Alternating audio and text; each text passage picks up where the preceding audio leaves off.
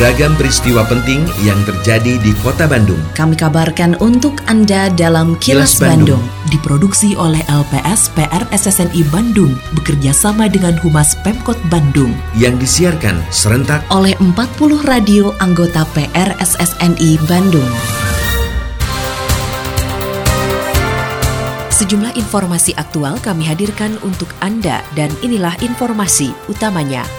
Kota Bandung raih penghargaan Kota Informatif. Flyover Jalan Jakarta Ahmad Yani diuji coba pekan depan. Komisioner KPID Jabar periode 2020-2023 resmi dilantik gubernur. Saya Santika Sari Sumantri, inilah kelas Bandung selengkapnya. Pemerintah Kota Bandung mendapat anugerah penghargaan Kota Informatif tingkat Kota Kabupaten se-Jawa Barat dari Komisi Informasi Provinsi Jawa Barat. Usai menerima penghargaan dari Gubernur Jawa Barat Ridwan Kamil, Wali Kota Bandung Oded M. Daniel mengatakan penghargaan tersebut sebagai bukti bahwa pemerintah Kota Bandung transparan dalam pengelolaan pembangunan. Untuk itu Oded meminta pejabat pengelola informasi daerah atau PPID di kewilayahan harus terus diperkuat, sehingga Kota Bandung akan menjadi contoh pelaksanaan pemerintahan yang terbuka bagi daerah lain. Selain itu, Oded berharap dengan penerapan open government akan membuat masyarakat lebih mudah mendapatkan informasi sehingga dapat meningkatkan kepercayaan masyarakat kepada pemerintah. Saya berharap nih Bu Eli dan jajaran barangkali ya dan Pak Anton jadi Kominfo walaupun sudah bagus tapi perlu ditingkatkan. Apa itu? Saya berharap struktur pengelolaan informasi itu harus sampai ke ke, ke wilayah. Sekarang kan sudah ada nu di hanap teh menjadi pembantu ya. Nah, ini harus diperbanyak, ya, harus diperkuat saya kira. agar betul-betul antara masyarakat dengan kita itu betul-betul bisa bisa komunikasi dengan bagus gitu. Dengan adanya keterbukaan informasi publik ini akan semakin percaya kepercayaan masyarakat kepada kami, kepada pemerintah itu semakin meningkat. Terkait dengan berita sebelumnya.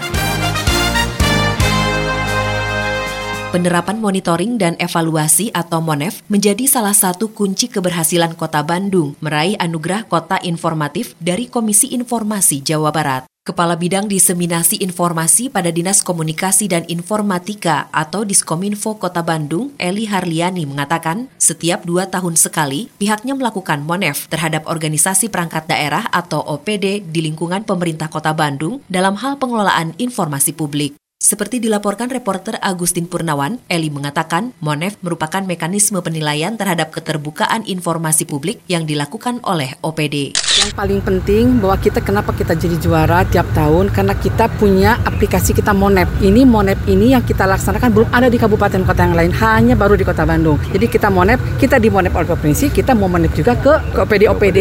Jadi MONEP itu gini, kita memberikan penilaian, kita pemappingan, pemetaan bagaimana sih keterbukaan informasi publik yang ada di OPD OPD. Jadi misalnya kan PPUD pertama, PPUD pembantu ya. Jadi mereka bagaimana datanya, kelengkapannya, ketepatannya, di semua data-data masuk ke PPUD utama. Jadi itu kita monep tiap dua tahun sekali. Pemerintah Kota Bandung melalui Dinas Perhubungan dan Satlantas Polrestabes Bandung akan mulai melakukan uji coba penggunaan flyover Jalan Jakarta Supratman pada Senin dan Selasa pekan depan. Rencananya ada dua opsi arus lalu lintas untuk flyover tersebut. Kepala Bidang Manajemen Transportasi dan Parkir pada Dinas Perhubungan Kota Bandung, Hairul Rizal, mengatakan skenario pertama flyover hanya akan digunakan satu arah untuk laju kendaraan dari Antapani menuju Jalan Supratman. Sedangkan skenario kedua, flyover digunakan untuk dua arah, baik dari arah Antapani maupun sebaliknya. Rizal mengatakan bersamaan dengan dilakukannya uji coba, pihaknya juga melaksanakan survei mengenai jumlah volume kendaraan, kecepatan, juga tanggapan masyarakat terhadap kondisi arus lalu lintas di kawasan tersebut. Kami sudah menurunkan personil untuk melakukan survei. Jadi pagi dan sore tim kami survei dari Disub meliputi yang pertama traffic counting, perhitungan volume arus lalu lintas dengan kondisi existing yang sekarang berlaku. Kemudian survei kecepatan dan yang ketiga survei interview, wawancara ke, ke masyarakat. Nanti hari pertama pelaksanaan yang pola satu arah, kami juga lakukan survei yang sama di titik yang sama. Begitu juga hari kedua yang pola dua arah. Sehingga nanti pola existing, kemudian alternatif pertama searah dan dua arah, kita bisa bandingkan data. Terkait dengan berita sebelumnya,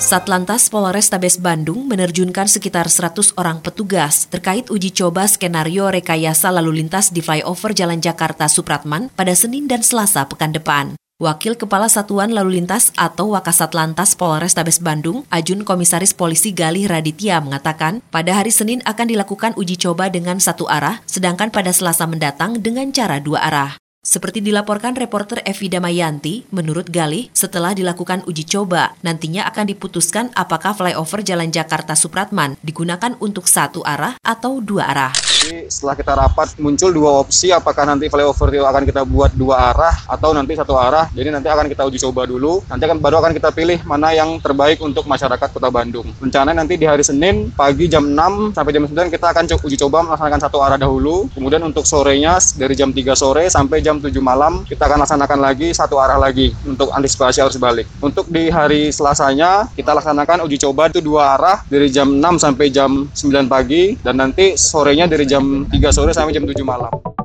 Assalamualaikum warahmatullahi wabarakatuh. Saya Emma Sumarna, Sekretaris Daerah Kota Bandung, warga Bandung yang kami cintai. Pandemi COVID-19 belum berakhir. Sampai saat ini sudah 107 warga kota Bandung yang meninggal akibat COVID-19. Angka tersebut berpotensi akan bertambah jika kita tidak berjuang untuk menghentikannya. Namun, pemerintah butuh dukungan dari seluruh elemen masyarakat untuk bersama-sama memutus mata rantai penyebaran COVID-19. Bantu kami cukup dengan melakukan gerakan 3M dan 1T, yaitu memakai masker, menjaga jarak, mencuci tangan, dan tidak berkerumun, serta biasakan menerapkan perilaku hidup bersih dan sehat. Jangan sampai perjuangan dan pengorbanan yang telah dilakukan kita semua selama berbulan-bulan harus berakhir sia-sia. Mari kita jaga dan lindungi diri kita, orang yang kita cintai, serta setiap orang yang berada di sekitar kita. Mari bergerak bersama. Kita yakin bisa. Bandung lawan COVID-19. Assalamualaikum warahmatullahi wabarakatuh. Pesan ini disampaikan oleh Humas Setda Kota Bandung.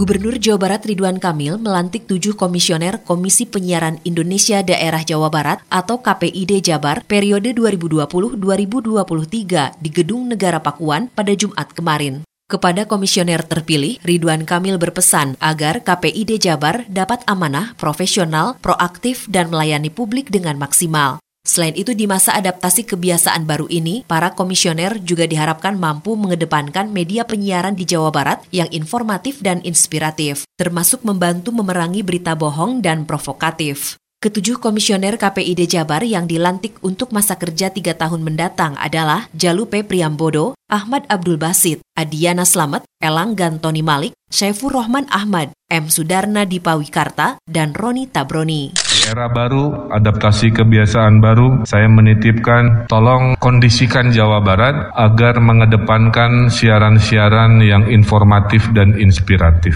Ada gium yang mengatakan bad news is good news harus sudah mulai diseimbangkan dengan inspiring news is good news. Situasi yang begitu sulit, depresi, kita butuh cerita-cerita konten-konten informasi yang meningkatkan imunitas kita, meningkatkan kebahagiaan kebahagiaan kita. Kini, audio podcast siaran Kilas Bandung dan berbagai informasi menarik lainnya bisa Anda akses di laman kilasbandungnews.com. Komisi Penyiaran Indonesia Daerah Jawa Barat atau KPID Jabar periode 2020-2023 akan menjadi bagian dari penggerak pembangunan di bidang penyiaran yang seiring dan sejalan dengan visi Provinsi Jawa Barat. Hal tersebut ditegaskan Ketua KPID Jabar Adiana Slamet usai dilantik secara resmi pada Jumat kemarin. Adiana menyatakan KPID harus mampu membuat berbagai inovasi sehingga mampu meningkatkan kreativitas dan menjadi mitra penyiaran yang strategis dan produktif. Seperti dilaporkan reporter Suparno Hadisaputro, menurut Adiana, KPID juga akan mendorong lembaga penyiaran untuk menyajikan konten yang positif dan inspiratif secara kelembagaan kita harus mendorong bahwa KPID Jawa Barat ini ber, harus berkomitmen untuk melakukan berbagai inovasi-inovasi sehingga mampu untuk meningkatkan kreativitas dan menjadi mitra penyiaran yang strategis dan produktif. Untuk lembaga siaran ke depan kita juga harus lebih mengarah pada konten yang positif dan inspiratif. Lindungi diri dan keluarga dari COVID-19 dengan selalu memakai masker, mencuci tangan dan menjaga jarak, serta menghindari kerumunan. Patuhi protokol kesehatan di masa adaptasi kebiasaan baru untuk mencegah penularan virus corona. Terima kasih Anda telah menyimak Kilas Bandung. Bekerja sama dengan Humas Pemerintah Kota Bandung yang diproduksi oleh LPSPR SSNI Bandung.